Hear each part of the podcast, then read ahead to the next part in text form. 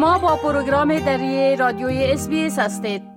حال با جاوید روستاپور خبرنگار برنامه دری برای جنوب آسیا. از طریق تلفن به تماس هستیم که اونا درباره تازه ترین تحولات در ارتباط به افغانستان معلومات میتن آقای روستاپور سلام عرض می‌کنم. خب اولتر از همه گفته میشه که بانک مرکزی افغانستان یاد افغانستان. بانک یک سلسله محدودیت های را بر صرافان و خدمات صرافی وضع کرده. اگر لطفا در ای باره یک مقدار توضیحات بتین با سلام وقت شما بخیر آقای که برای افغانستان بانک که تحت کنترل طالبان فعالیت دارد. گفته که صرافی ها و شرکت های خدمات پولی پس از این نمی‌توانند از مشتریانشان امانتی بگیرند و یا با آنان قرض بدهند. اسیب الله نوری سخنگوی بانک با نشر اعلامیه گفته که صرافی ها و ارائه دهندگان خدمات پولی پس از این نمی‌توانند که بدون اسناد اسناد بهادار و استفاده از سیستم های انتقال اسناد بهادار خدمات, خدمات پولی انجام دهند. در اعلامیه بانک همچنان تاکید شده که صرافی و شرکت های خدمات پولی دیگر همچنان نمی‌توانند از دفاتر غیر رسمی برای ثبت نام استفاده کنند و به همین ترتیب افرادی که مجوز ندارند اجازه انجام فعالیت کارهای صرافی و خدمات پولی را انجام دادن نمی‌توانند. اما برخی از طرفی ها می‌گویند که در حال حاضر سیستم بانکی در افغانستان با مشکل مواجه است و نمی‌توانند این بانک ها با مردم خدمات ارائه کنند و محدودیت بر صرافی ها می‌تواند مشکلات اقتصادی هم به بار بیارد.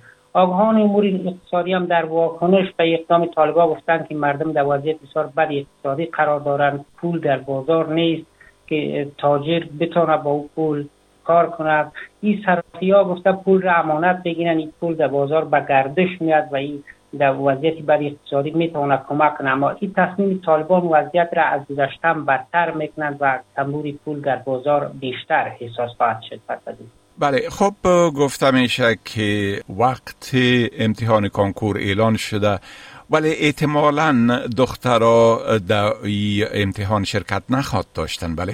دقیقا اداره امتحانات کانکور که این هم تحت مدیریت طالبان فعالیت دارد. تاریخ برگزاری دوری اول امتحان کانکور را اعلام کرد. طبق این اعلامیه که روز گذشته نشر شد قرار است دوری اول امتحان کانکور در ولایت های بامیان، بغلان، پکتیا، تخار، جوزجان، خوست و فاریاب، دایکنگی و سرپل و دوری در روزهای 29 و 30 سرطان برگزار شد. این اداره گفته که ثبت نام اطلاعات بایومتریک داوطلبان در این ولایت ها از 27 و 28 سرطان آغاز خواهد شد. به گفته این اداره در بقیه ولایات دور دوم سوم و چهارم در شمول کابل برگزار می شود و تاریخ برگزاری این ولایت ها بعدا مشخص خواهد شد.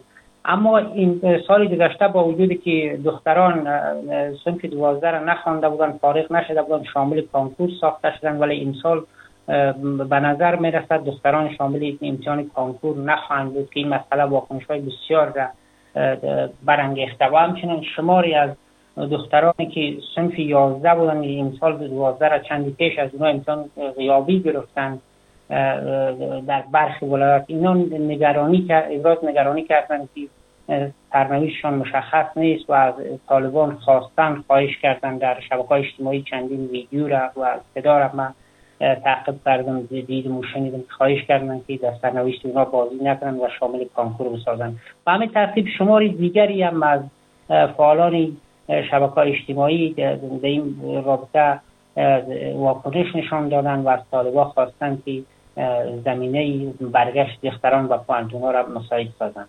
بله خب گفتم میشه که با رسیدن وقت پستچینی طالبا مردم نمی‌گذارن که پسته از درخت ها بیچینن و ای یک مقدار نگرانی را به وجود آورده و همچنان طالبا وضعیت بسیار بد با مردم محلی در بادغیس می‌کنن. بله؟ منابع محلی در بادغیس گفتن که همزمان با آغاز جمعوری حاصلات پسته در ولایت طالبان باشندگان محل را کوب کرده و مانی جمعوری حاصلات پسته از سوی آنان شدند. این منابع گفتند که باشندگان ولسوالی آبکمری این ولایت که به هدف جمعوری پسته رای منطقه پستلیخ این ولسوالی بودند با ممانیت شدید جنگجویان طالب روبرو شدند و شماری از مردم که حتی توسط طالبان لط کوب شده بودن زخم برداشتن و به شفاخانه قلینه و مرکزی ولایت انتقال داده شدند. این منابع گفتن که طالبان برای مردم گفتن که پس از این حق ندارن که پسته بچینن و این جنگلات درخت های پسته دولتی است و خود طالبایی را جمعوری خواهند کرد. این در حالی است که باشندگان بادغیس همه با فرارسیدن فصل جمعوری پسته اینا به گونه دستجمی میرن این برنامه را آغاز می‌کنن یک روز به گونه میله واری دارن و پس از او به چینی آغاز می‌شد که هر ساعه مربوط هر روستاست و این هفته ها دوام خواهد کرد. این اقدام طالبا واکنش ها و نگرانی های مردم را هم برانگیخته. اونا گفتن یکی از عواید و درآمدی که به اقتصاد خانوادهشون کمک می‌کند. این چینی امی پسته است. ولی طالبا عملا مانع از این شدن و این مسئله نگرانی های جدی مردم را برانگیخته بله. خب گزارش شده که طالب با شفاخانه میرویس نیکر در شهر قندهار به خاطر اختلافات و دشمنی های شخصیشان با مسئولین شفاخانه بستن و توجه به مریضان نکدن بله؟ منابع محلی در ولایت قندهار در جنوب افغانستان گفتند که طالبان شفاخانه میرویس نیکر به دلیل مشکلات شخصی و مسئولان شفاخانه داشتند بسته کردند.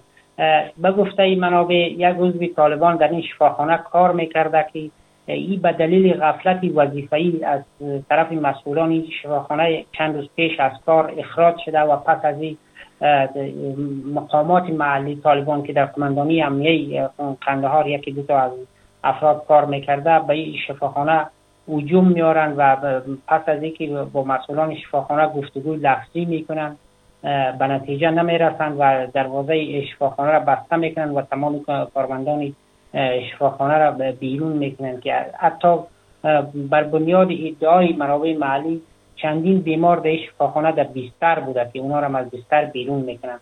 طالبان به گونه رسمی تا کنون در این زمینه چیزی نگفتند ولی یکی از مسئولان محلی طالبان که نخواستن نامش فاش شود و روزنامه اشت صبح در پاسخ به پرسش این موضوع که دلیل چی بوده گفته که جنجالی بود و مسئولان شفاخانه هم قضیه متهم بودن.